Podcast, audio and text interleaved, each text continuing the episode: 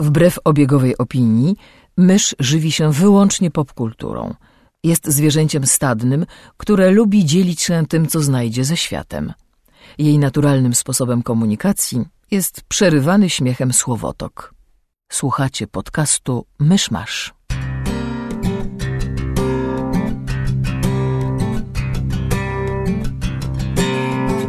Gospodarzami podcastu Myszmasz są Krzysiek Ceran, redaktor portalu Avalon. Kamil Borek ze studia Kobart. i Mysz, autorka bloga Mysza Mówi. Drodzy słuchacze, jest poniedziałek, 29 lutego 2016 roku. Według moich wyliczeń następny myszmasz, który będzie miał premierę 29 lutego, wypadnie w 2044. Prawdopodobnie będziemy mówili o 28 epizodzie Gwiezdnych Wojen. Tymczasem zapraszam do 125 odcinka podcastu Myszmasz. Witamy po przerwie, przerwie wywołanej e, różnymi ciężkimi chorobami obłożnymi, e, z których chyba jeszcze nie do końca wyszliśmy. Jeżeli usłyszycie, że ktoś kaszle, to Krzysiek umiera na gruźlicę, jak w ten bohaterka trawiaty.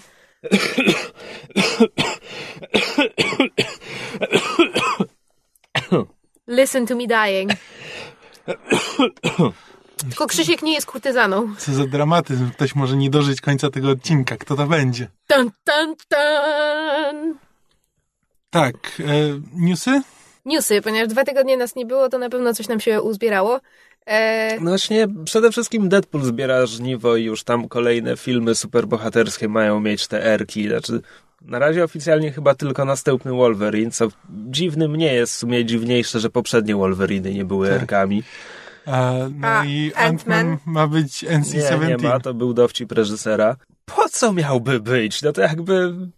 To, to, to, to jest dowcip Peytona Reeda, tu jakby nie mam żadnych wątpliwości. James Gunn odpowiedział jeszcze lepszym dowcipem, bo się na Twitterze zapytał Rida, czy w takim razie Inhumans będzie snuff filmem. No, a, ujmę to tak. Tak bardzo nie potrafię sobie wyobrazić filmu i, o Inhumans, że snuff film to przynajmniej byłby jakiś pomysł. Wiem, już wiem. Inhuman Centipede. O, no. Ojej. E, no co, dostaliśmy dwuczęściowy trailer do Daredevila, do drugiego sezonu. Pierwsza część się skupiała na Punisherze, druga na Elektrze. To znaczy dostaliśmy dwa Dwa zwiastuny Daredevila. No tak, no on tam niby był part one, part two. Whatever. E, no i wygląda, wygląda to fajnie. No tak, no Daredevil był fajny, jakby... Tylko jestem ciekawa, jakim się te wątki mm, zgrają, jak się będą przeplatać, bo tak... Pierwszy sezon miał, prawda, tylko Fiska jako, jako powiedzmy tam, nie wiem, przeciwnika. No nie, miał też ninja z pudełka w jednym odcinku. No ale i- to w jednym odcinku, no. A w jeszcze innym odcinku miał Stika i tajemniczego, mistycznego chłopca i Madame cholera wie co. I jej magazyn pełen tych... No ale to Nie były mów. postacie poboczne, a nie główny, nazwijmy to, przeciwnik, no. Znaczy, szczerze mówiąc, ja się nie zdziwię, jeśli okaże się, że Elektra jest właśnie taka na tam odcinek 2 i że ona na- wyskoczy nagle i zniknie. Mm. Takie tam wróżenie z fusów. A, no i a propos Marvelowego Netflixa, to mamy wreszcie Iron Fista, którym został, on się nazywa Finn Jones? Czy, tak. czy Jones Finn? Nie, Bi- Fi- Jim Fi- Finn, Finn Jones chyba.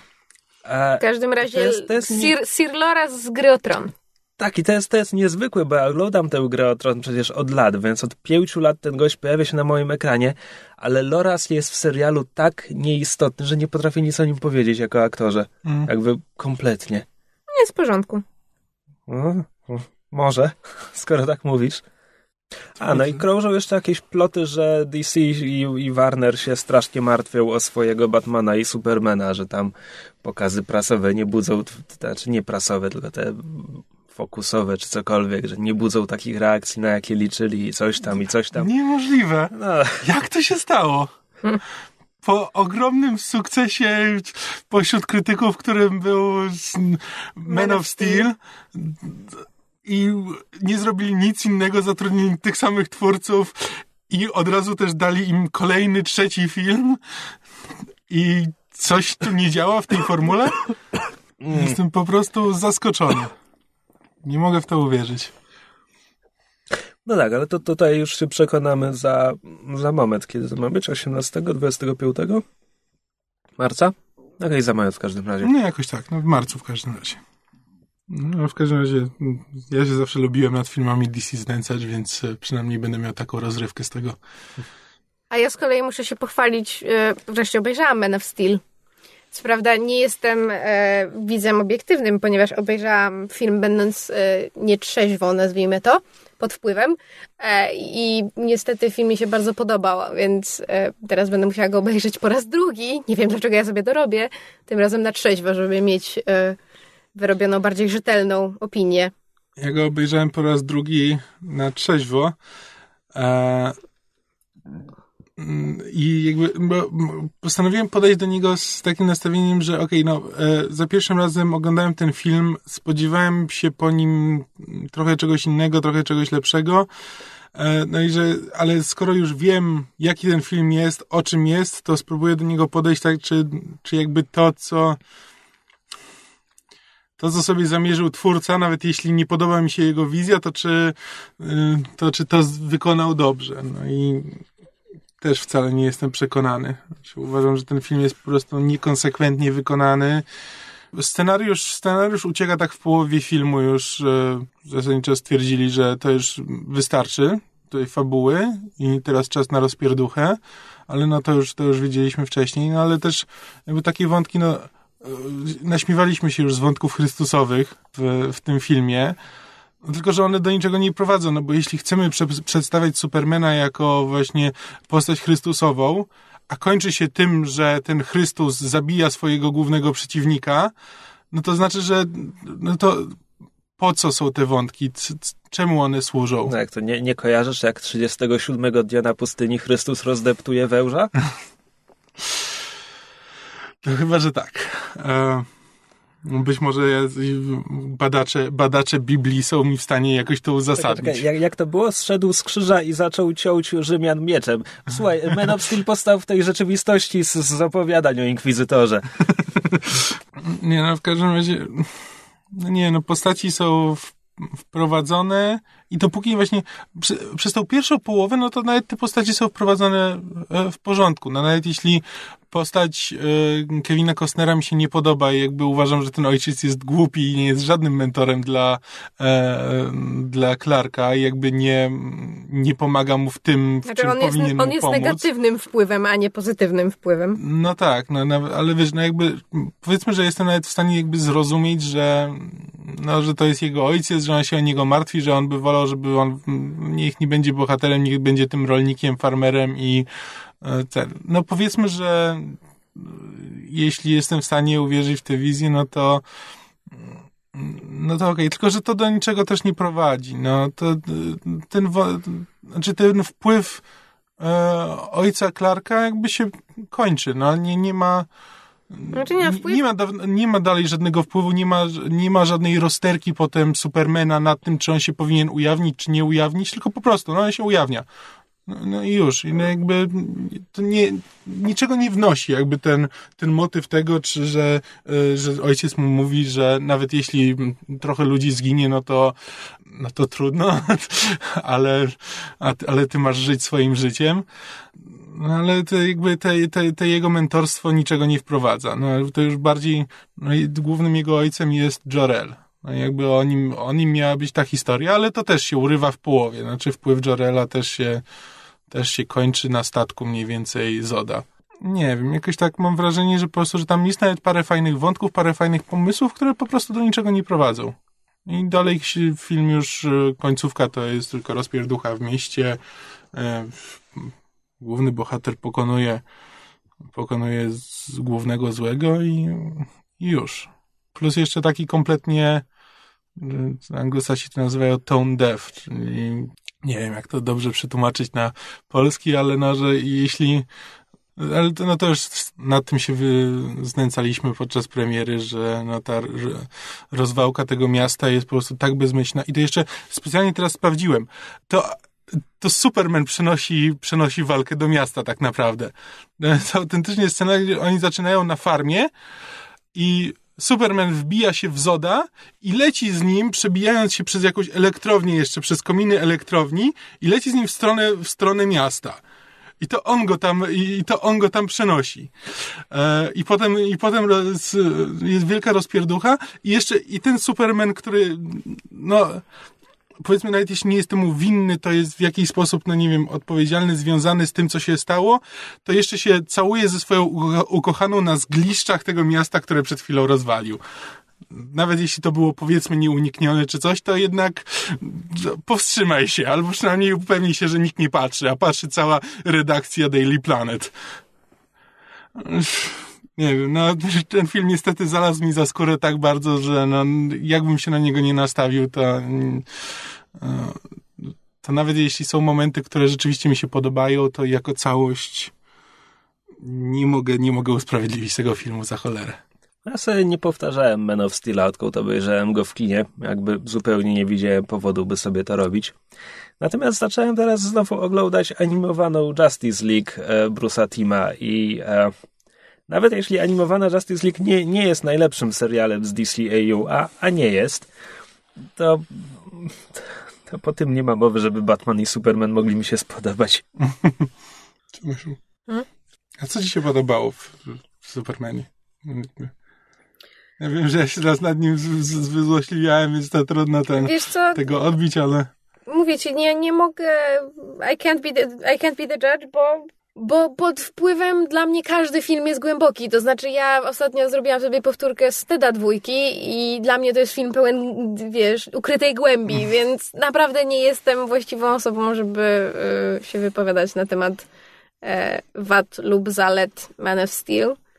E, nie wiem, może jak, może jak go obejrzę na trzeźwo, to, to będę w stanie jakoś się do niego odnieść. Nie wiem, może na blogu. E, w każdym razie byłam, biorąc pod uwagę, jak, jak e, negatywne opinie słyszałam wokół, jak byłam negatywnie do filmu nastawiona, byłam miło zaskoczona tym, jak w gruncie rzeczy w sumie dobrze się na nim bawiłam. I to samo miałam z Lone Ranger, które też było ostro zjechane. Nie, nie, widzisz.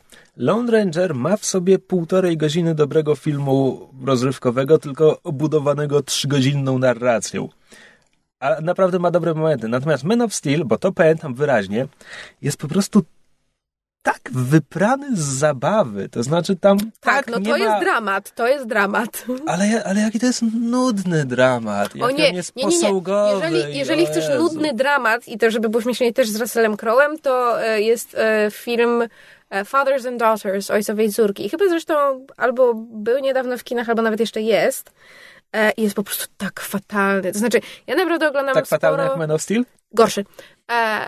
To znaczy, ja naprawdę oglądam sporo, wiesz, dramatów i melodramatów i filmów, które są, są wiesz, są poważne i są o, o uczuciach i są o ludziach trudnych, których, którym, z którymi trudno, wiesz, empatyzować i, i, i do których trudno żywić sympatię. Oglądam sporo kina niezależnego i ono jest, wiesz, takie też w, wymaga jednak pewnej um, jakby uwagi i takiego zaangażowania i, i Jezus Maria, jaki to jest fatalny film. To znaczy nic w nim nie działa ani historia, ani aktorstwo, Jak ani obsada. Fathers and Daughters.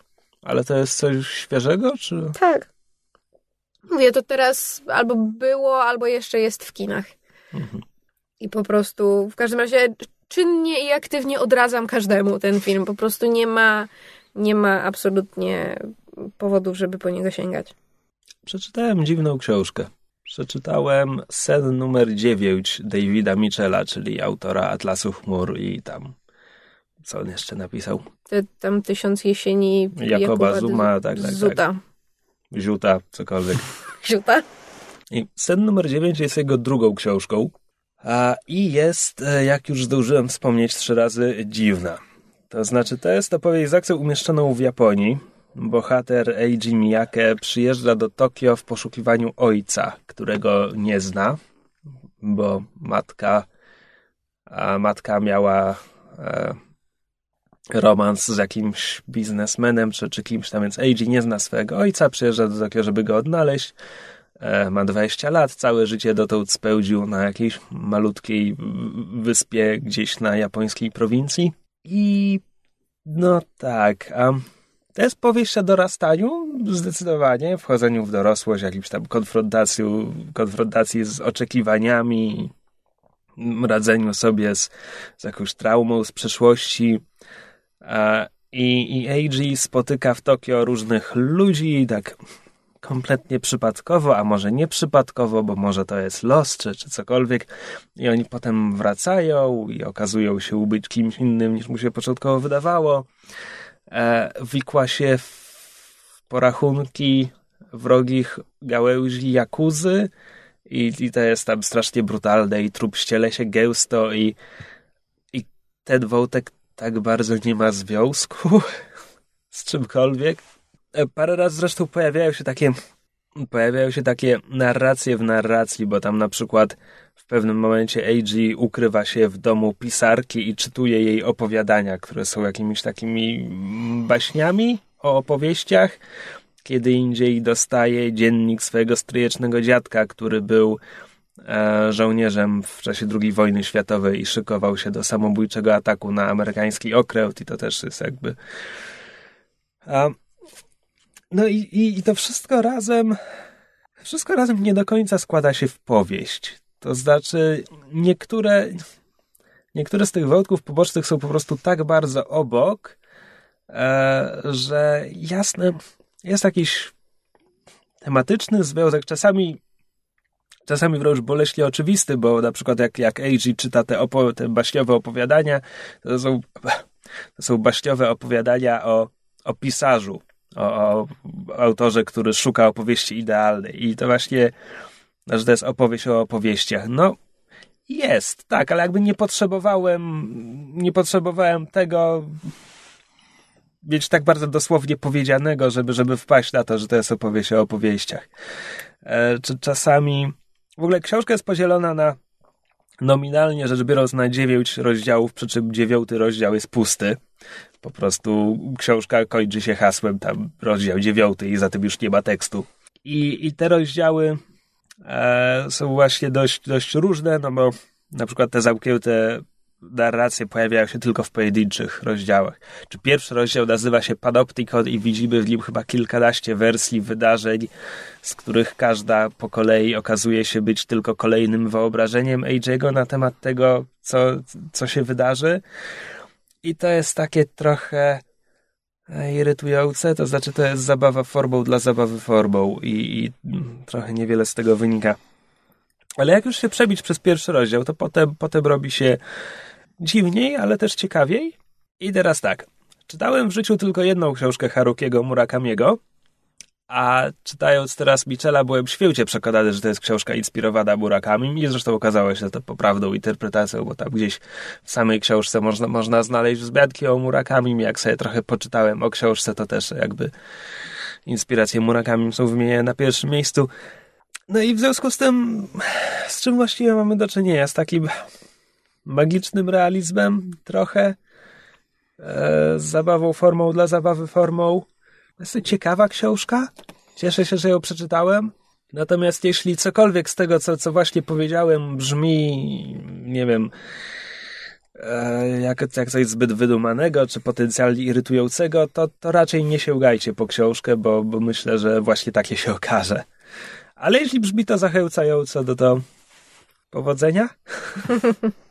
Natomiast muszę wspomnieć o polskim wydaniu, bo ha, tłumaczenie jest dziwne. To znaczy, ja rozumiem, że, że japoński jakby japoński jest daleki od polskiego i na przykład pomysł, by transkrypcję stosowaną globalnie, na przykład w języku angielskim, stosować też po polsku, że to może nie jest, może to nie jest automatyczne rozwiązanie i jedyne słuszne. No więc tutaj mamy transkrypcję japońskich nazw na fonetycznie po polsku. Więc Eiji Miyake jest przez DZ zapisany i tak dalej. Do tego idzie się przyzwyczaić, no bo jak tak zaczniemy się zastanawiać, no to przecież Tokio po polsku to jest Tokio przez i krótkie, a nie Y i, i tak dalej, i tak dalej. Okej. Okay. Problem polega na tym, kiedy znowu ja nie znam japońskiego, ale trochę czytałem o Japonii, trochę oglądałem anime i tak dalej. I potrafię wyczuć, kiedy ta transkrypcja jest po prostu błędna. I, i nagle mam park y, Yoyoji, a to powinien być park Yoyogi. Zdecydowanie. I w paru innych sytuacjach też tak miałem, że to nie jest poprawny zapis po prostu. No i, i teraz nagle robi się. No nie wiem, no coś dziwnego się po prostu robi. A potem jeszcze w pewnym momencie pojawia się piętnastoplanowa postać jakiegoś strażnika w banku, którego bohater nazywa um, jak go nazywa kapitanem, czy, czy kapralem, czy cokolwiek, smug. Ja tak na to patrzę i smug? Smug? Smug? Co, co to ma być smug? To nie jest japoński. Smug. Smag! Angielskie słowo, które zostaje nieprzetłumaczone. No. Aha. Wow. No. Znaczy, to był tylko jeden taki przypadek, kiedy, kiedy coś ewidentnie, co powinno było być przetłumaczone, nie zostało przetłumaczone. E, no ale ogólnie wszystko razem składa się na to, że to nie, nie podobało mi się to tłumaczenie.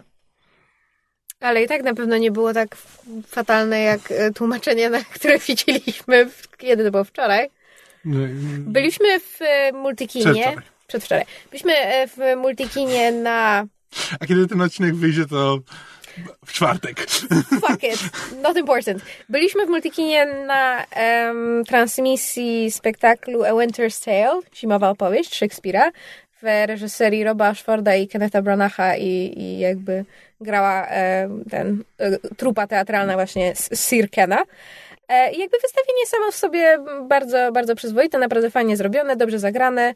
E, Jak ktoś chce, to można u popkultur- popkulturalnego recenzję przeczytać, z którą w gruncie rzeczy się zgadzamy. Oprócz tego, że mamy diametralnie inną opinię. Znaczy jakby zgadzamy się co do tego, że e, jakby szczegółów technicznych wystawienia i aktorstwa, natomiast e, e, Kasi zdaniem e, jakby e, momenty poważne em, wychodziły e, ten Br- Branachowi lepiej. Znaczy, Bo oczywiście tak- on, jak, jak przystało na e, reżysera Narcyza, wrzuca się sam, znaczy gra w sztukach, które reżyseruje. E, I według Kasi momenty poważne były lepsze od e, tych momentów. E, nie czekaj, co ja mówię? Znaczy, nie, bardziej chodziło o to, że e, jakby pierwszy, pierwszy akt to jest jakby popadanie króla e, w... Ślepą, nieuzasadnioną zazdrość. Tak, że zaczyna, zaczyna podejrzewać e, Żonę. jego na, najlepszego przyjaciela od dzieciństwa i z, że zdradza, że jego żona zdradza go z jego przyjacielem. E, No i to i od takich podejrzeń potem to się przekształca w, w obsesję, jakby nikt mu nie jest w stanie e, jakby przetłumaczyć, że, e, że on to sobie wymyślił, tylko on jest przekonany, że to się wydarzyło i dla niego to jest fakt.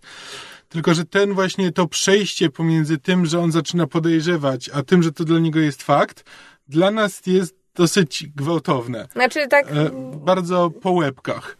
Tak, bardzo tak szybko i trochę w stronę manii Brana to zagrał, natomiast w drugiej połowie, kiedy jakby on już się, e, zostało mu dobitnie udowodnione, że się mylił i że w związku z jego niesłusznymi podejrzeniami wydarzyła się, wydarzyło się kilka właściwie tragedii, że to jest wszystko jego wina, więc w drugim akcie, kiedy on jakby się kaja i prawda, niemalże posypuje głowę popiołem, to wszystko moja wina, mea culpa i tak dalej.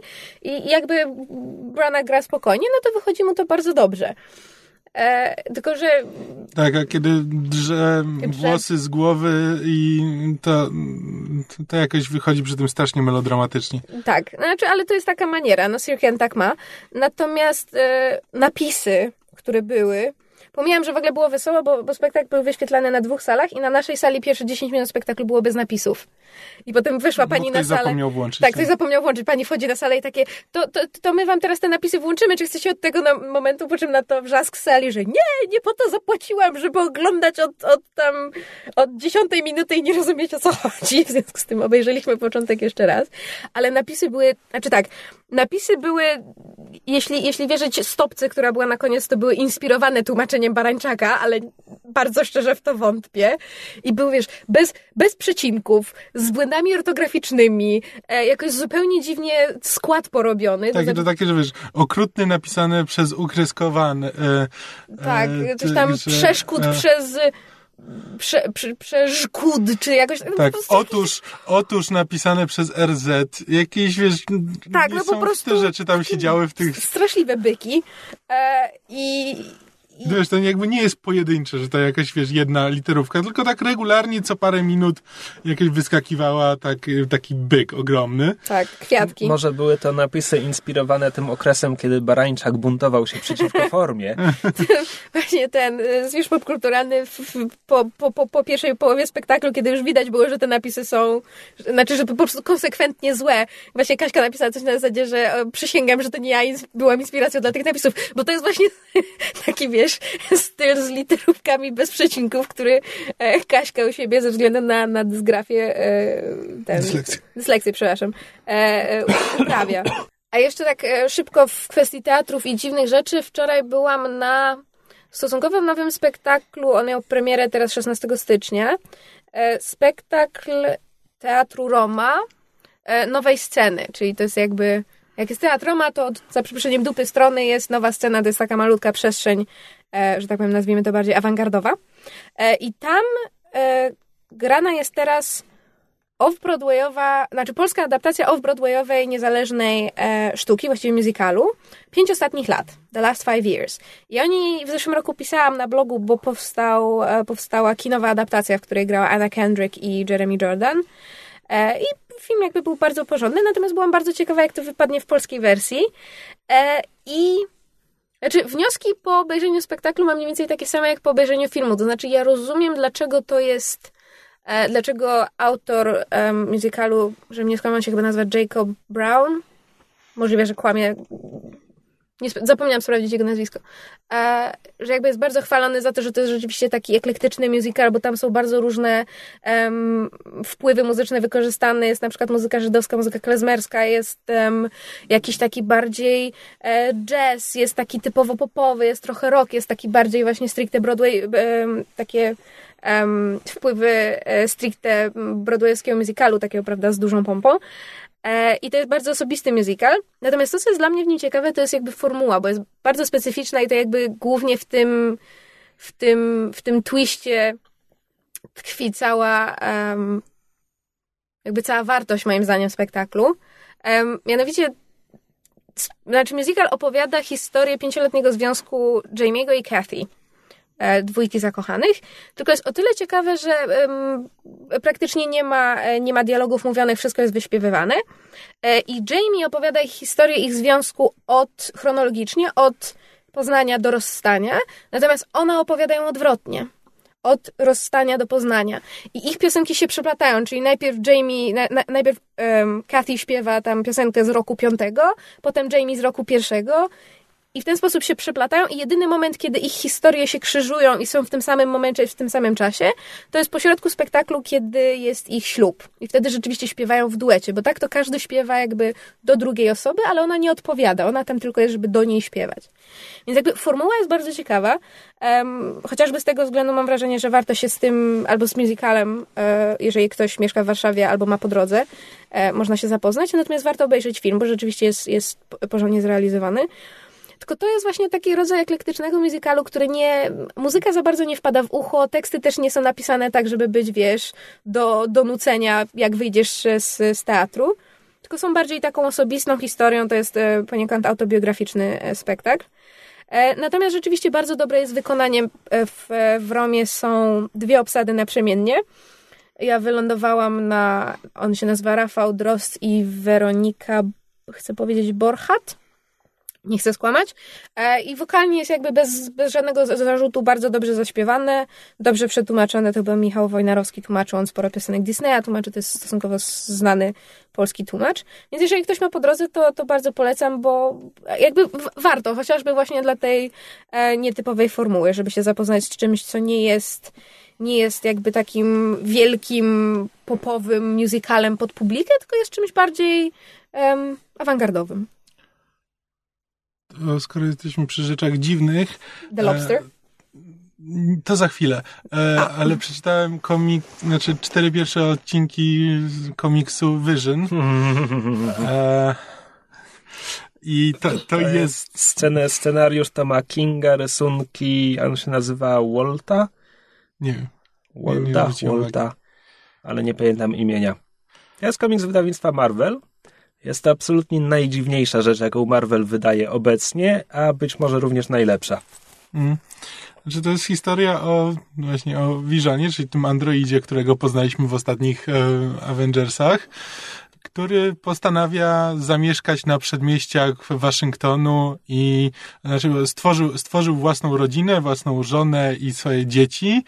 Dokładnie z tego samego materiału, z którego on jest stworzony, czyli takich syntetycznych androidów.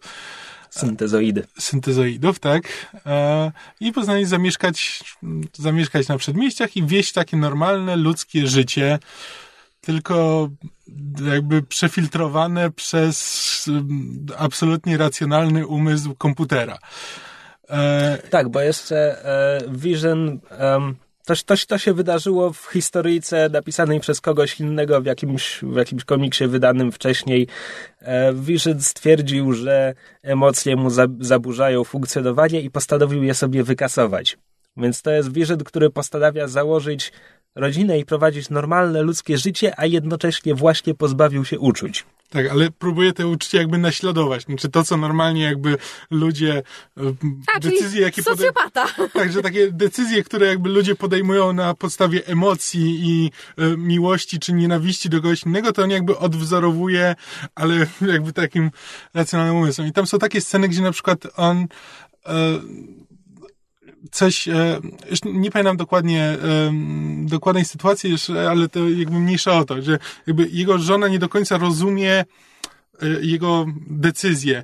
I, I tam właśnie, no i mówi mu, że czy mógłbyś mi to powiedzieć jeszcze, e, jeszcze raz? Ale, że- ale przekazałem ci te wszystkie dane wczoraj wieczorem. Czy nastąpił jakiś błąd transferu? nie, po prostu potrzebujesz... Tam, tam w ogóle często są takie sceny, kiedy nagle dwójka bohaterów, czy to, czy to Vision i jego żona, czy, czy jego dzieci, rozmawiają ze sobą o, o znaczeniu słów i, i o tym, jak e, mm, o ludzkim procesie decyzyjnym, tego typu rzeczy. Więc na przykład e, Visionowie zostają odwiedzeni przez sąsiadów. Jakąś, jakaś para z sąsiedztwa przyszła do nich z ciastem, żeby powitać nowych sąsiadów. No, welcome to the neighborhood, No właśnie. tak jest. E, I jak już sobie wychodzą, to żona Wirzyna, oni wszyscy mają imiona na V i imiona mi się mieszają, nie pamiętam jak nazywa się żona Wirzyna, bo dzieci to w- Win Viv, i Viv. Win i Viv, tak, a żona jest też coś na V, nieważne. W każdym razie, więc żona wyrzuca to ciasto do kosza, no bo syntezoidy nie jedzą e, i właśnie rozmawia z Wirzynem, e, po prostu zaczyna od stwierdzenia, wydawali się mili.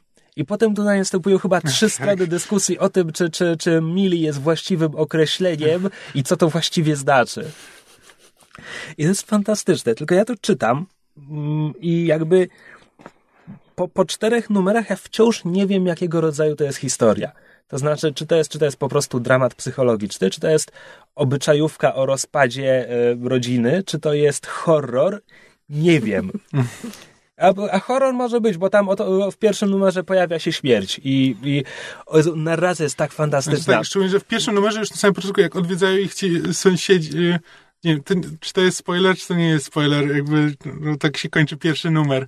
E, mam, mam po prostu powiedziane, że jeden, jeden z wiżonów przed końcem historii spali dom tych sąsiadów. Tak, że jedna z nich zginie w pożarze spowodowanym przez Wiżona. I to jest wszystko, co wiesz, po prostu... e, Wiesz, I narracja jest właśnie prowadzona też w taki bardzo, bardzo racjonalny, taki prostolinijny sposób, To, to, że... to, jest, to jest w ogóle ciekawe, bo narracja trzecioosobowa to jest coś, od czego w zasadzie się odchodzi obecnie w mainstreamowych komiksach. To znaczy, to było coś bardzo popularnego w latach od 60. tam, do nie wiem, 80. Chris Claremont po prostu uprawiał tony narracji, a potem od narracji trzecioosobowej trochę się odeszło. A tutaj nie tylko ją mamy, ale jest to narracja tak doskonale bezosobowa i pozbawiona emocji. Ona po prostu klinicznie informuje cię o faktach, które jeszcze nie nastąpiły. Tam, nie wiem, w, w pewnym momencie mamy informację tam w czasie przez, przez resztę swojego krótkiego życia Viv często wracała do tej rozmowy. Po prostu nagle, nagle narracja znikąd atakuje cię tam informacją, że no, ta, ta postać nie przeżyje tej historii. Tak, po prostu informuje nas o tym, co w tym momencie myśli ta postać i też taki bardzo racjonalny, taki dokładny sposób. I to, jest, to się niesamowicie czyta, znaczy, bo to jest po prostu fascynujące i właśnie te, te, te dywagacje na temat najróżniejszych, te, na, znaczy na takich na temat takich dziwnych rzeczy, które ludzie robią, które dla nas są normalne, a um, ale właśnie ale właściwie czemu je robimy i po co? I, i, i, to, jest, i to jest przypuszczone przez ten filtr tego, tego robota, który to obserwuje i próbuje to naśladować i zrozumieć w jakiś sposób. I to jest, i to jest niesamowite. To jest naprawdę fantastyczny pomysł, e, coś z czym się człowiek rzadko spotyka i naprawdę zrobiło to na mnie duże wrażenie. A narysowany jest ślicznie, znaczy jakby w ogóle... Kadry... Gabriel Wolta, już Co? pamiętam. Gabriel Wolta to jest rysownik. Tak, znaczy sama kreska no, jest bardzo, bardzo fajna, bardzo poprawna, ale po prostu kompozycja kadrów e, jakby, znaczy już po samych kadrach jakby, biorąc pod uwagę, że to jest taka historia e, bardzo obyczajowa, to to, że już po samych kadrach zazwyczaj można stwierdzić, co właściwie się w tej historii dzieje, to jest naprawdę duża sztuka. E, Walter jest, ciekawy, bo on, on nie jest takim typowym rysownikiem superbohaterskim. On od wcześniej rysował... On wcześniej, wcześniej rysował Astonishing X-Men pod koniec, pod koniec serii, a potem rysował serię Magneto ostatnią. I akurat do tej serii Magneto był fantastycznie się nadawał, bo ona też nie była taka typowo superbohaterska. A, a tutaj rysuje coś, co jest... No ten komiks to jest zasadniczo American Beauty, tylko dużo, dużo Mhm. bardziej niepokojące i głębsze i lepsze. e, Kto niestety nakręcił American Beauty? Sam Mendes. Sam Mendes. No to to jest takie American Beauty nakręcone przez e, Davida Lynch. e, Nie, nie Lyncha, Finchera? no przez Finchera, to chciałem powiedzieć. American Beauty Davida Lyncha to byłoby coś jeszcze Jeszcze innego. coś dziwne. Niestety, znaczy niestety, ja żałuję. E, Tom King dał się podprowadzić DC i podpisał z nimi kontrakt na wyłączność, więc em, on napisze Visiona do 12 numeru. Wydaje mi się, że to będzie koniec historii. Znaczy jakoś trudno mi sobie wyobrazić, by inny scenarzysta miał to przejąć. E, No, znaczy, no, w tym momencie są cztery, cztery numery i jakby warto to chyba zacząć jakby śledzić tak w miarę na bieżąco, bo to znaczy, to- to jest ten rodzaj właśnie, ponieważ ta narracja jest e, i ta historia jest taka dziwna, że to moim zdaniem to się będzie lepiej czytało właśnie w takich drobnych dawkach, niż żeby potem usiąść i przeczytać 12 e, numerów naraz. Znaczy pewnie będzie warto, jak już się przej- przejdzie najpierw przez całą tę historię, ale myślę, że warto to śledzić na bieżąco. Trzymając się tematu dziwnych rzeczy, z myszą postanowiliśmy obejrzeć dramat The Lobster. Znaczy, nie, bo czekaj, bo zacznijmy od tego, że były walentynki. Tak. Były walentynki i w walentynki mieliśmy pójść do kina na Przekleństwa Niewinności, bo grali je w Iluzjonie w ramach cyklu, to się chyba nazywało Niespełnione Miłości i grali same smutne filmy typu właśnie Love Story na przykład. E, ja stwierdziłam, że pokażę Kamilowi Przekleństwa Niewinności, czyli to jest pierwszy film Sofii Coppoli, e, ale nie, nie udało nam się zebrać do kina, bo się źle czuliśmy, e, więc obejrzeliśmy go w domu. I potem na fali oglądania smutnych filmów o miłości postanowiliśmy obejrzeć The Lobster. Który chyba jeszcze nie wyszedł w kinach i nie wiem, czy w ogóle wyjdzie. Jest już. Jest już? On, on właśnie, czyli właśnie- właśnie, właśnie wszedł wszedł. na ekrany polskich kin. E, O, o Homarze zresztą mówiłaś po zwiastunie, więc już w podcaście się pojawił, Tak, bo to jest bardzo a szukałaś tej informacji. Ciekawe. Wyreżyserował to grecki reżyser Jorgos Lantimos. Co on zrobił jąszczem? Albo ewentualnie co scenarzysta Słuchaj, zrobił no, takie wcześniej. pytania zadajesz, co zrobił Jorgos Lantimos, no proszę cię. Ewentualnie kto był scenarzystą. E, Jorgos Lantimos był również jednym ze scenarzystów filmu. E, Drugim był Eftymis Filip. Nie załadowało się do końca nazwisko. To chyba nic nam to nie mówi. Znaczy, w- mam, nie jestem stuprocentowo pewien, ale wydaje mi się, że Jorgos nakręcił wcześniej taki film e, Attenborough, e, tylko że tytuł był przekręconym nazwiskiem Davida Attenborough. Ale być może mylę moich greckich reżyserów. Because we know so many of those. Dobrze. No ba. E, film e, jakby opowiada, znaczy to jest dystopijny film poniekąd, Tak. ponieważ opowiada taką wersję rzeczywistości, w której jakby wszyscy muszą być e, w parach. parach. Do 30 roku życia? Znaczy, nie, w ogóle wszyscy ludzie muszą być w parach, Nie, ale wydawało mi się, że tam jest jakiś limit czasu. Tak, że mają limit czasu na to. żeby bo- znaleźć sobie parę, bo jak nie znajdą sobie pary, to zostają zamienieni w zwierzę. Tak, swojego bo- wyboru. Tak, po prostu chodzi o to, że e, jeśli nie masz pary, to trafiasz do, e, trafiasz do hotelu. Jakby zaczynamy od tego, że postać Colina Farela, który jest głównym bohaterem filmu, e, Żona go zostawia. żona go zostawia, bo go zdradziła i zostawiła go dla swojego kochanka. E, więc on teraz ma, musi przez wiem, te 40 dni, czy ileś tam, 30, no nieważne, ma ileś dni, żeby w tym zna, hotelu... znaleźć sobie w hotelu nową parę, natomiast jeśli mu się przez ten czas nie uda znaleźć, to zostanie zamieniony w zwierzę swojego wyboru. Jego wyborem jest tytułowy homar, czyli Tak. lobster. Co jakby kierowniczka hotelu pochwala jako bardzo dobry wybór, nietypowy i Tak, bo tam na przykład, wiesz, argumenty na zasadzie, a Tak, dlaczego homar? I on tam mówi na zasadzie, że homary są bardzo długowieczne, że łączą się w pary na całe życie. i że że- lubię wodę. Tak, i że bardzo lubię pływać. Więc jakby Tak, i że to jest dobry wybór, bo większość ludzi wybiera po prostu psy, dlatego na świecie jest bardzo dużo psów, e, a mało kto wybiera e, gatunki takie jak pandy, dlatego pandy są zagrożone. Tak. Znaczy, to jest film, który ma tego typu bardzo mroczny humor, nazwijmy Znaczy- to. W ogóle jakby po, sposobem narracji to właśnie bardzo przypomina ten komiks o Wierzynie. Coś E, tam jest. Znaczy, i te, jakby przez cały film, poza tym, że jakby mamy bohaterów, którzy rozmawiają ze sobą kompletnie jakby nie rozmawiając. Znaczy, oni rozmawiają ze sobą o pierdołach. To znaczy, oni, yy, i to w taki sposób jakby stwierdzając pewne fakty. Że na przykład, że jeden mówi, że e, bardzo lubię spacerować, e, może chciałbyś pójść ze mną na spacer.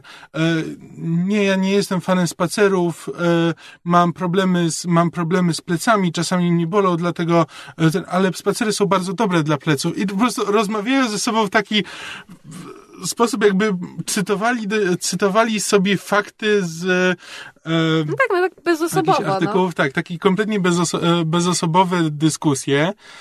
E, To jest jeszcze okraszone taką bezosobową narracją rodem z francuskiego filmu, gdzie przez cały czas e, żeński głos, znaczy Winan... E, Rachel Weisz. Rachel Weisz. Mi się zawsze one mylą. Winona Ryder i Rachel Weisz.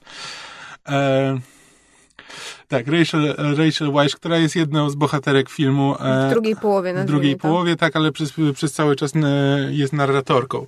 Em, I też właśnie w taki bezosobowy sposób opowiada o tym, co sobie akurat bohater teraz myśli, e, albo o czym będzie myślał, albo co mu, się, co mu się przydarzy później, albo co mu się przydarzyło wcześniej, a czasami nawet opowiada o tym, co się właśnie dzieje w tym momencie na ekranie i powtarza po prostu po, po bohaterach, co się dzieje.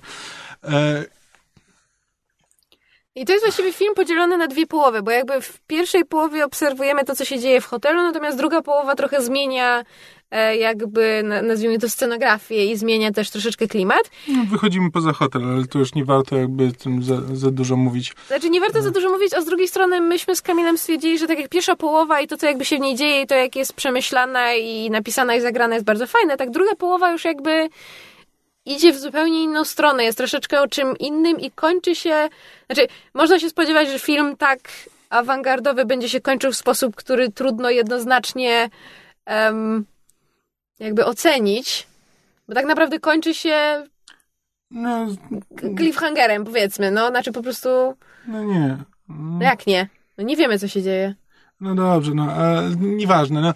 E, no przepraszam, e, po prostu nie chcę, nie chcę też za dużo powiedzieć o tym filmie, bo to jest, e, znaczy, że, bo tak, pierwsza połowa to są właśnie scenki po prostu z życia ludzi w hotelu. E, w świecie, w którym e, jakby bycie samotnym jest najgorszą rzeczą, jaka ci może spotkać i wszyscy są po prostu w desperacji, żeby kogoś znaleźć. Tak, są właściwie E. zmuszani do tego, żeby, żeby, wiesz, na siłę szukać pary. Tak, i to jakby dobierają się pod kątem jakichś najbardziej, najdziwniejszych takich sztucznych e, kryteriów. Znaczy, tam jest e, jedna postać grana przez Benna Wishowa, e, która ma... E, e, oni sami jak e, przedstawiają się reszcie hotelu. Zawsze jak trafiają do hotelu, to przedstawiają się wszystkim innym gościom i opowiadają o sobie i opowiadają, że mo- moją definiującą mnie cechą jest, To, że jest ma, moja chora noga. to jest to, że ma jedną nóżkę mniej i w związku z tym kuleje. Tak. I że jego żona też miała jedną nóżkę mniej i też kulała i to było to, co ich łączyło. Tak, więc on teraz szuka drugiej osoby, która będzie kulała, żeby móc się z nią połączyć w parę. I mniej więcej, i, te, i to jest poziom abstrakcji, jakim operuje ten film. E, Jakby właśnie pokazuje taki, e, taki, taki świat ludzi, którzy po prostu chcą być w parze, nie bardzo wiedząc dlaczego, po prostu mając przekonanie, że to jest jedyny sposób na życie. E, i wszystkie, wszystkie wiążące się z tym absurdy e, Tak, ale, i po, komizmy. ale też film jakby wyraźnie próbuje powiedzieć, że każda skrajność jest zła. To znaczy z jednej strony Tak. bycie w parze bez żadnego konkretnego powodu, oprócz tego, żeby koniecznie być w parze jest złe, ale także usilne staranie się być samemu i być singlem tak, i, też i jest... zachowanie tak tego singlowego. Nie, Nie. dobrze, no nieważne. Ja tylko mogę na końcu dodać, że Jorgos Lantimos faktycznie pomylił mi się z innym greckim reżyserem. A jednak.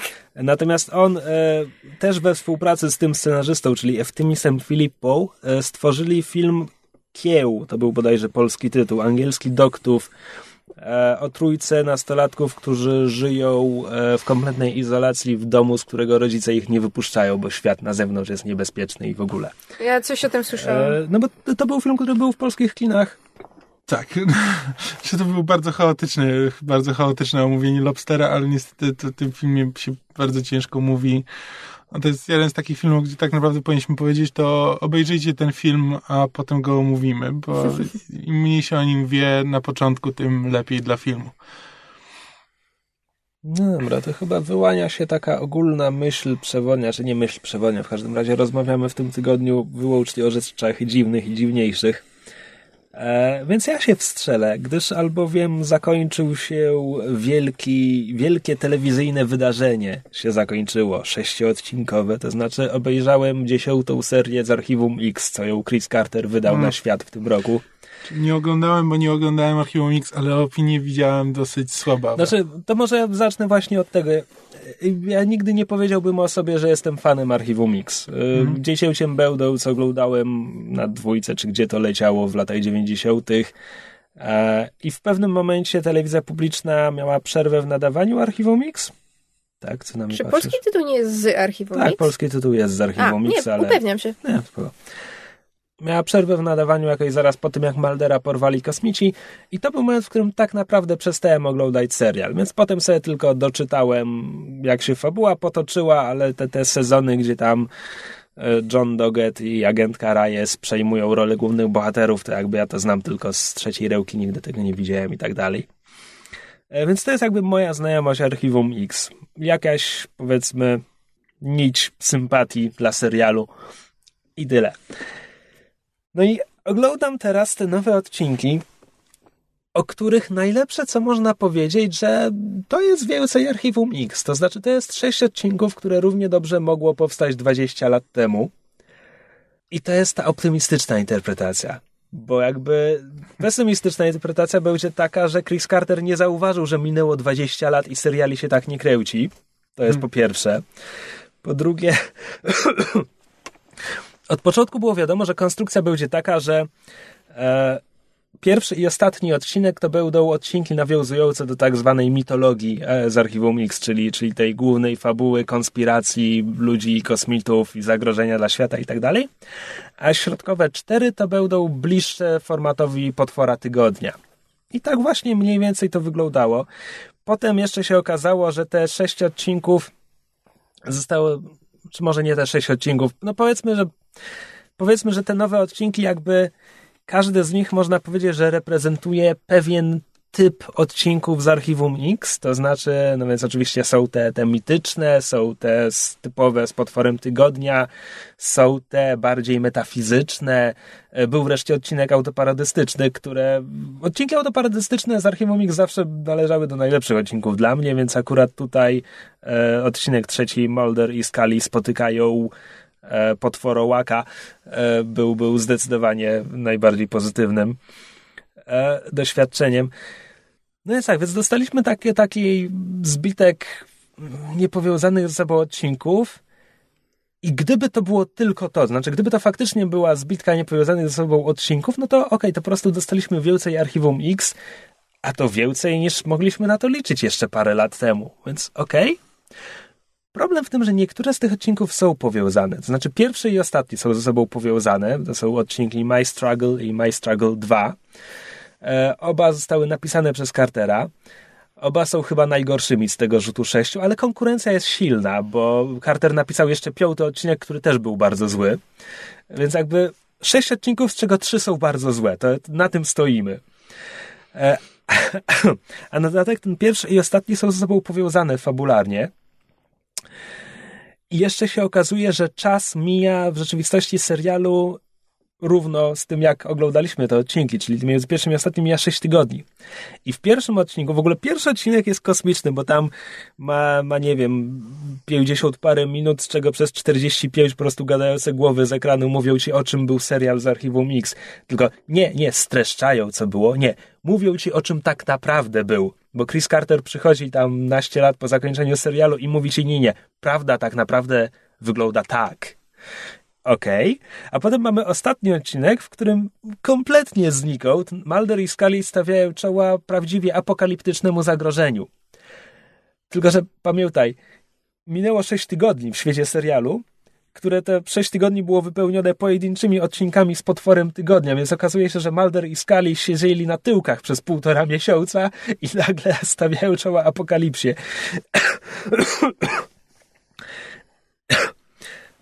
I to po prostu nie działa. To znaczy, to nie działa jako garść luźnych odcinków, no to to jest garść kiepskich odcinków, z powiedzmy dwoma wyjątkami, może trzema. E, jako jakieś wydarzenie, wiesz, sześć odcinków powiązanych nicią fabularną, no to to jest tak grubymi nićmi szyte. E, ogólnie rzecz biorąc, obejrzałem to wszystko i tak sobie myślę, okej, okay, między Balderem i Skali naprawdę jest fajna chemia, nawet, nawet naście lat później między nimi jest chemia, więc to jest spoko, to jest niezaprzeczalna zaleta. I zasadniczo z archiwum X to jest wciąż potencjalnie interesujący serial. Zwłaszcza teraz. Widzisz, Chris Carter trochę zauważa, że minęło 20 lat, bo tam pojawiają się kwestie tego, jak bardzo jesteśmy obecnie inwigilowani, jak, jak e, ten żołdowe podglądactwo w internecie, jak szeroko jest zakrojone, te wszystkie kamery bezpieczeństwa na całym świecie i tak dalej, dostęp do danych. Chris Carter o tym wie, więc postaci o tym mówią, ale to się nijak nie przekłada na serial. E, I to jest właśnie ciekawe, że wydaje mi się, że w obecnej epoce właśnie paranoi i masowej inwigilacji jakby z Archiwum X być, mogłoby być żywym tematem te sześć odcinków nim, nim nie było, zdecydowanie. No i ogólnie, jeśli cokolwiek wyniosłem z, z obejrzenia tych sześciu odcinków, to tyle, że najlepsza byłaby opcja gwiezdnowojenna, to znaczy, żeby ktoś odkupił z archiwum Mix od Cartera i, i zabrał daleko od niego te, te Zabrał zabawki. mu te piaskownice, tak. tak. I, I jakby no, no zabrał się do tego z głową, bo z tego wciąż mogłoby być coś fajnego, ale to nie było to. Hmm. Dobrze, to mogę pozostać w temacie rzeczy dziwnych, e, bo w, wczoraj właśnie e, zainstalowałem i skończyłem, na ile można skończyć tę grę, e, Super Hot. Super e, Hot. Super Hot. Super Hot. Super Hot.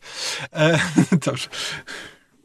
Super Hot. Super Hot to jest gra, która powstała na podstawie, czy na, najpierw, powstała prze, najpierw powstał przeglądarkowy prototyp, e, który polega na tym, że no jest to strzelanina z perspektywy pierwszej osoby, ale czas płynie tylko wtedy, kiedy się ruszasz, ewentualnie rozglądasz. E, w związku z czym te, z takiej strzelaniny akcji to się zmienia w łamigłówkę, gdzie jakby masz chwilę na zastanowienie się, patrzysz, że na przykład tam jest, że przeciwnik jest z twojej lewej, z twojej prawej i za tobą. I teraz musisz zdecydować, w jakiej kolejności się ich pozbyć, jak się ruszyć, gdzie, gdzie się ruszyć, którego zastrzelić najpierw, e, że skończy ci się amunicja, zanim dojdziesz do ostatniego, więc musisz najpierw, e, musisz zabić jednego, dojść do niego, zabrać jego pistolet i dopiero na przykład zabić. I to jest taki, taka łamigłówkowa gra akcji. E, no i prototyp był świetny. Znaczy... Prototyp był fantastyczny. Mówiliśmy o nim chyba w podcaście. Brzmi tak. znajomo. Znaczy jakby to, co mówicie, brzmi znajomo. E, no i potem, ponieważ prototyp odniósł y, bardzo duży sukces, to, yy, to chyba miało zbiórkę na Kickstarterze. E, miało? Wydaje mi się, że jakiś, że jakiś wydawca dał im kasę. A może. No nie wiem. W każdym razie, w każdym razie twórcom udało się zrobić z tego pełnoprawną jakby grę. No prawie pełnoprawną, no tam 20, dwa- za 20 dolarów.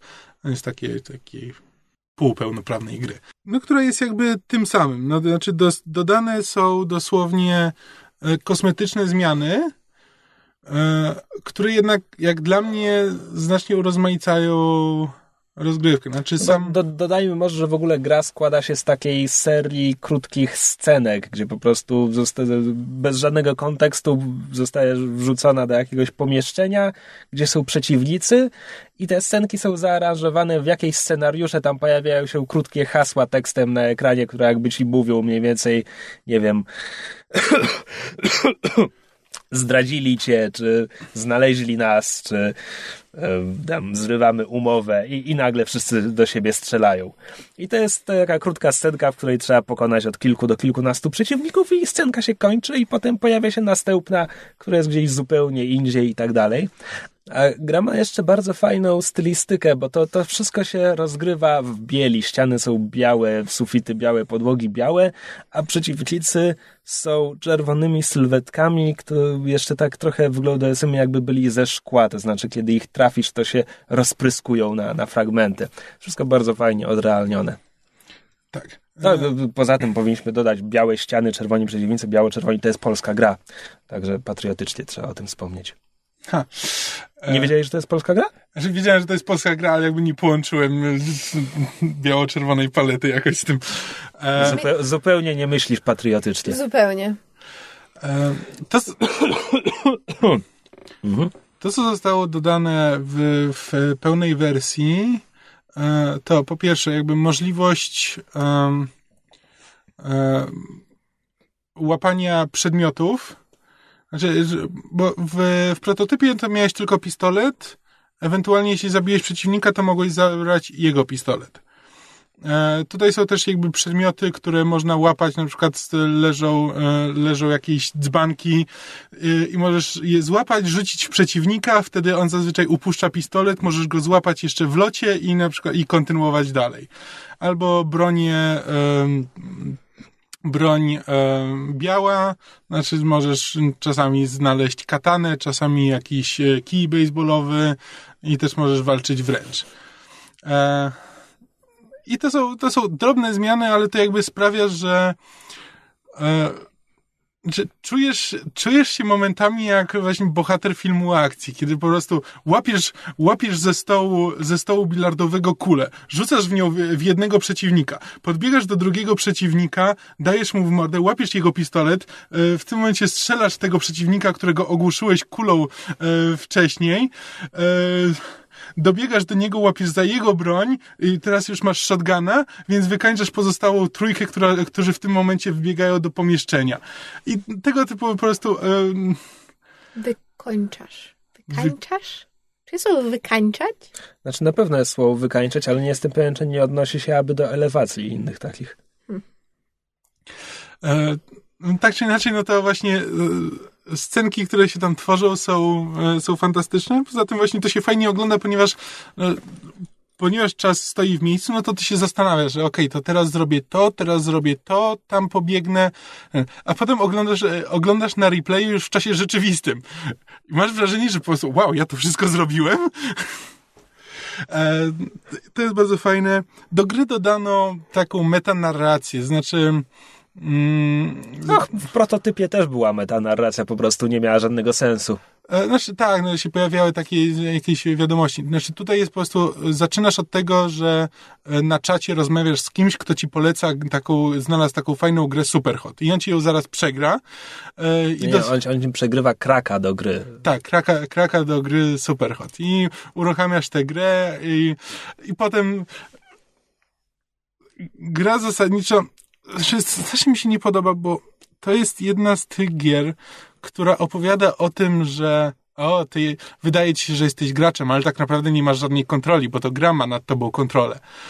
Tylko, że no, gra, no rzeczywiście, no, ma nad tobą kontrolę, bo nie pozwala ci zrobić nic innego niż to, co, e, niż to, co sobie zamierzyłeś. Nawet jeśli masz jakiś fajny, e, fajny pomysł na to, co, jak mógłbyś odbiec od tego, co ci w tym momencie gra każe, bo na przykład dostrzegasz jakąś, e, mm, nie wiem, no nazwijmy to drogę ucieczki, czy jakąś, e, jakąś inną odnogę, którą mógłbyś teoretycznie pójść, to gra ci po prostu nie pozwala. E, I prowadzi cię za rączkę i śmieje się z ciebie, że wydaje ci się, że masz kontrolę, ale wcale nie masz kontroli. I no, no świetnie, no tylko, że już to zrobił Bioshock i zrobił to trzy razy lepiej wcześniej, więc naprawdę te, w tym momencie ta fabuła um, kompletnie mnie nie interesowała. No, ale jest sobie, no i bardzo nie przeszkadza, szczególnie, że grę się przychodzi w parę godzin jakby te, mm, te podstawowe poziomy, a potem ci się odblokowują wyzwania i endless mode, w którym po prostu masz mm, przeciwników, którzy cały czas się pojawiają, tam masz kilka, pla- e, kilka plansz do wyboru i na, tej, na tych planszach po prostu pojawiają się cały czas przeciwnicy i po prostu toczysz nie, nieustającą walkę tak długo, jak uda ci się przeżyć. No i jeszcze w którymś momencie dostajemy, dostajemy dodatkową możliwość, której nie było w oryginalnym prototypie i która daje nam jakby dodatkowe te, taktyczne możliwości, ale to już, już nie będę wchodził w szczegóły, to jak ktoś... E, znaczy przede wszystkim no to warto sobie wpisać Superhot. Jeśli ktoś jeszcze nie grał, to wpisać sobie Superhot przy wyszukiwarkę e, zagrać w prototyp. Jeśli komuś się spodoba prototyp i stwierdzi, że mu mało, to nie gra dalej w tę pełną wersję. I niech da i niech da polskim twórcom zarobić.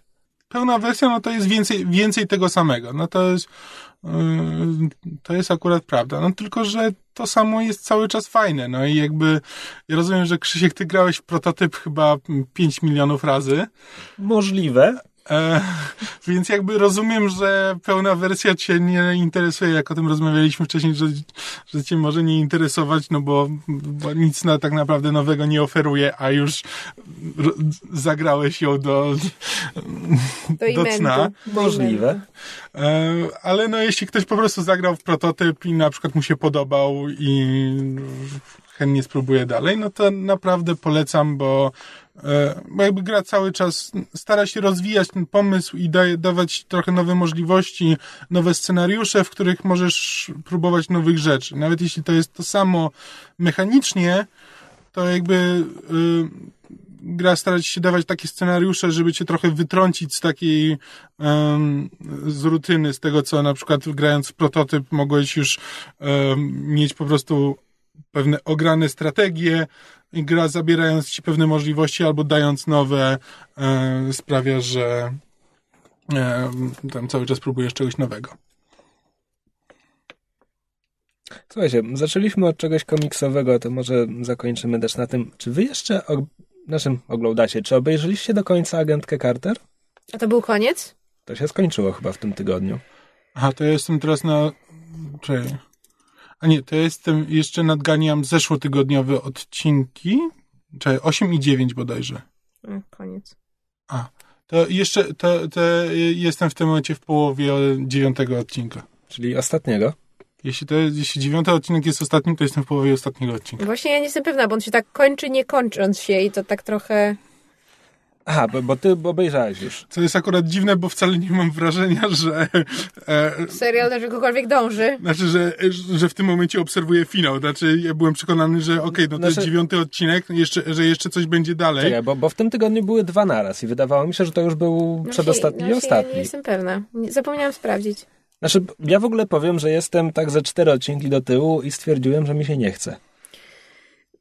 It's not good prawda? Ale, ale to jest aż niesamowite. Znaczy, postaci są wciąż fajne, no bo to, to są te same postaci co rok temu. Aktorzy są wciąż fajni, bo nie stracili talentu, ale tak bardzo nie ma treści w tym sezonie. Mm. To znaczy, ja się zorientowałem w okolicach czwartego czy piątego, że Rany Boskie to było już cztery czy pięć odcinków, a nie wydarzyło się nic. I szczerze mówiąc, nie bardzo nie, nie mam ochoty oglądać tego dalej, bo nawet jeśli coś się wydarzy, no to sorry, ale twórcy trochę trochę za dużo mojego czasu zmarnowali. Mm. Zastanawiam się, zastanawiam się, czy w którym momencie się okazało, że agentka Carter będzie mieć drugi sezon. Bo to mi się wydaje podręcznikowym przykładem, kiedy, kiedy ludziom przedłużyli serial, kiedy oni wcale tego nie chcieli. No bo tutaj tak bardzo nie ma pomysłu. Znaczy, jakby Agentka Carter była planowana na jeden sezon, natomiast jakby opinie o serialu były na tyle dobre po tym pierwszym sezonie, że mam wrażenie, że jakby fani żądali, stacja, stacja stwierdziła, skoro fani żądają, no to trzeba im dać, trzeba zarobić, a twórcy jakby stwierdzili, że no ojej, nie, nie spodziewaliśmy się, no dobrze, no to spróbujemy, tylko to mam wrażenie, że trochę jak z Galavantem, że to jakby... Czyli dostali więcej odcinków. Znaczy, dobre chęci zrobić. dobrymi chęciami, ale trzeba mieć pomysł, a jakby no... Znaczy, znaczy ten, ten jest... drugi sezon mógłby być fajny, bo tak jak mówisz, jakby postaci są fajne, aktorzy dobrze grają, tam są jakby pewne elementy, które są e, ciekawe, na przykład jakby sama ta, sam fakt, żeby głównym, powiedzmy, bad guyem była kobieta, czyli jakby trochę analogicznie do pierwszego sezonu, gdzie, prawda, Dottie Underwood to był jakby ten e, przeciwnik, który jest e, na tym samym poziomie co Peggy, jakby o, one są, są, są, prawda, dla siebie przeciwnikami, bo wszyscy inni, prawda, są, e, się do, się do, się do Peggy Carter nie umywają. Natomiast tutaj znowu mamy e, też jakby kobietę jako bad guy'a i konflikt, konflikt dwóch kobiet. Jeszcze na dodatek są... Tak, tylko że ta Whitney Frost też jest... Znaczy ja po prostu chcę powiedzieć, że jest zmarnowana, bo to jest fajna postać w komiksach. Tak, tak. A tutaj pomysł na nią jest, że to jest aktorka, która jest genialną fizyczką. Znaczy wiesz co, to jest akurat, to, jest ale wszystko... to jest z historii, no bo to jest, znaczy, oni no... się wzorują na Hedy Lamar i jakby...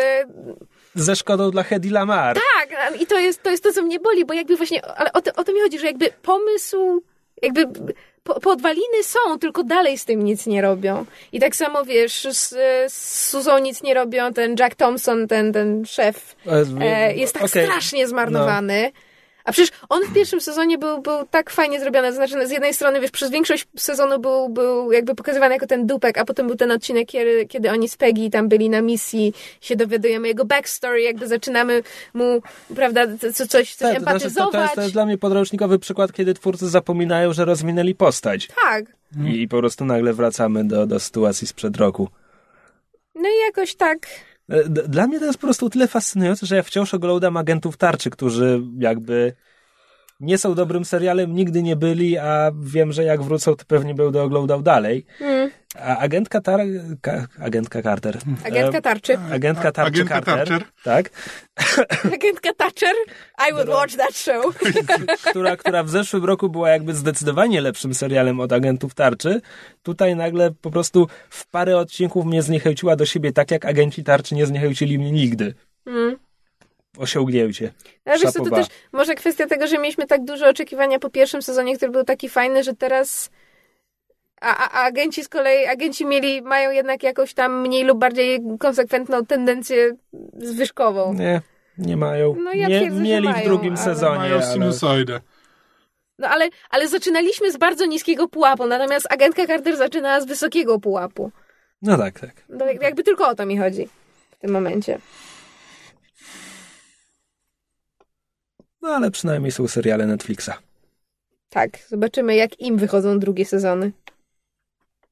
No, bo to jeszcze, te, tego jeszcze nie było. No, hmm. Jeszcze, wiesz, jeszcze nie mieliśmy wiesz, Bardzo jestem ciekaw, no bo wiesz, bo wprowadzić taką, wprowadzić taką postać i jakby stworzyć e, taki klimat, jakby e, stworzyć fajnego superbohatera i stworzyć mu jeszcze, jeszcze ciekawszego przeciwnika e, i to wszystko połączyć, no to raz może wyjść. I tylko pytanie, czy wiesz, czy teraz są, nie ustawili sobie poprzeczki za wysoko i czy będą w stanie przez nią przeskoczyć. Znaczy, prawdopodobnie masz rację, że może nie powinniśmy wchodzić w drugi sezon Daredevila z tak zaważonymi oczekiwaniami, ile szczerze mówiąc, ja w ogóle o tym nie myślałem dotąd i moim jedynym autentycznym problemem jest to, jak bardzo nie podoba mi się jego kostium. No tak, kostium tak. jest niestety... Znaczy, zdecydowanie wolałbym, żeby cały czas latał w tej swojej czarnej piżamie, bo, bo wyglądał fantastycznie. Znaczy, wyglądał trochę jak obcy, ale może dlatego mi się tak podobał. Dla mnie mógłby latać w czerwonej piżamie i po prostu kolor by się zgadzał. Ale e, czy to akurat Michael zauważył, ale rzeczywiście, bo teraz jak się pojawiły newsy na temat tego, że nowym Iron Fistem ma być właśnie Laura Styrell, e, no to takie, że o, on ma być, w ogóle nie pasuje. I przerabialiśmy to już i przy Daredevilu, i przy Jessica Jones, że Charlie Cox ma być Daredevilem, jest za niski, zbyt chłopaczkowaty, co to będzie za Daredevil? Kristen Ritter, przecież to jest, wiesz, to jest Valley Girl, praktycznie rzecz biorąc, grała w samych serialach komediowych, jak ona udźwignie taką rolę jak Jessica Jones. I teraz mamy Marvel- innego Lorasa. In Marvel casting we trust. Tak. Jeszcze się nie pomylili. Chyba. Abstrahując od zmiennej jakości różnych seriali, filmów i produkcji, pod względem castingu chyba się nie jebli. Yet. Eee, No. ja naprawdę nie lubię Chloe Bennett. I ktokolwiek gra Warda. Wiesz co, już się tak przyzwyczaiłam do postaci, że No dobra, ale to chyba, chyba zakończymy y, już w tym tygodniu. Tak, tym optymistycznym akcentem, nadziejach pokładanych w drugim sezonie Daredevila e, kończymy ten odcinek. E, A, e, ja się żegnam ze słuchaczami. Cześć. A, no tak. tak. Sobie. Krzysiek nas opuszcza. E, tak, na zawsze, jadę. bo umiera na gruźlicę, jak sami słyszeliście. Dobra, możemy trzymać się tej wersji. Time to Krzysiek, say Krzysiek umiera, umiera na gruźlicę, ale teraz będzie, e, teraz wyjeżdża na dwa tygodnie w Himalaje szukać, Sensu szukać życia. magicznego korzenia, który pozwoli mu przedłużyć swoje życie. I albo wróci, albo wróci jego zły brat bliźniak. You will never know. Brodę już mam. Zobaczymy, jak to się potoczy. W następnym odcinku. Tak, no w każdym razie spróbujemy, nie wiem, może znaleźć jakieś zastępstwo za Krzysia, choć Krzysia jest niezastąpiony, a To może już po przestań prostu, mu głaskać to ego. a może po prostu postaramy się wytrzymać sami w, przez półtorej godziny w jednym pomieszczeniu. Nie wiem, jak my to zrobimy. Not that we live together, sweetie. Mm.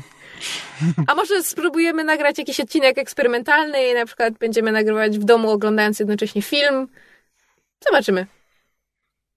Next week on Nie obie- Myszmasz. Nie obiecujmy za dużo. Zobaczymy. W każdym razie, no, myszmasz jakiś będzie. Tak jest. No. I dziękujemy Wam za uwagę i do usłyszenia w przyszłym tygodniu. Na razie. Reszta jest milczeniem. Słuchaliście podcastu Myszmasz. Możecie nas znaleźć na myszmasz.pl lub polubić nasz fanpage na Facebooku. Możecie nam także wysłać maila na myszmaszpodcast.gmail.com Jeśli do nas napiszecie, będziemy szczęśliwi jak homar w chodakach.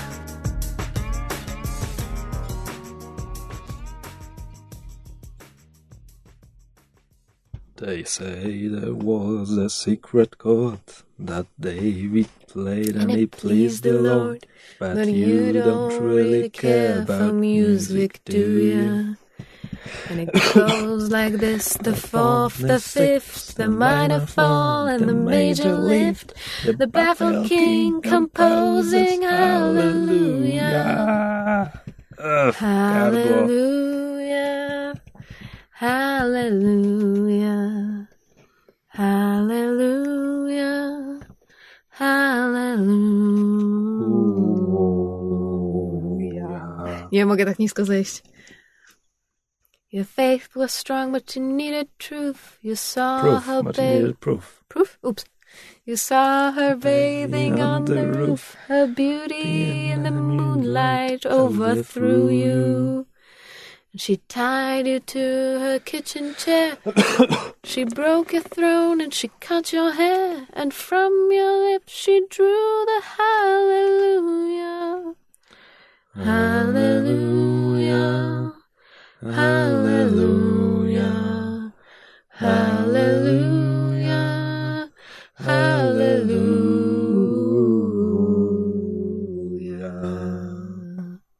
Mm. Dych jest dalej. Em, Nie pamiętam.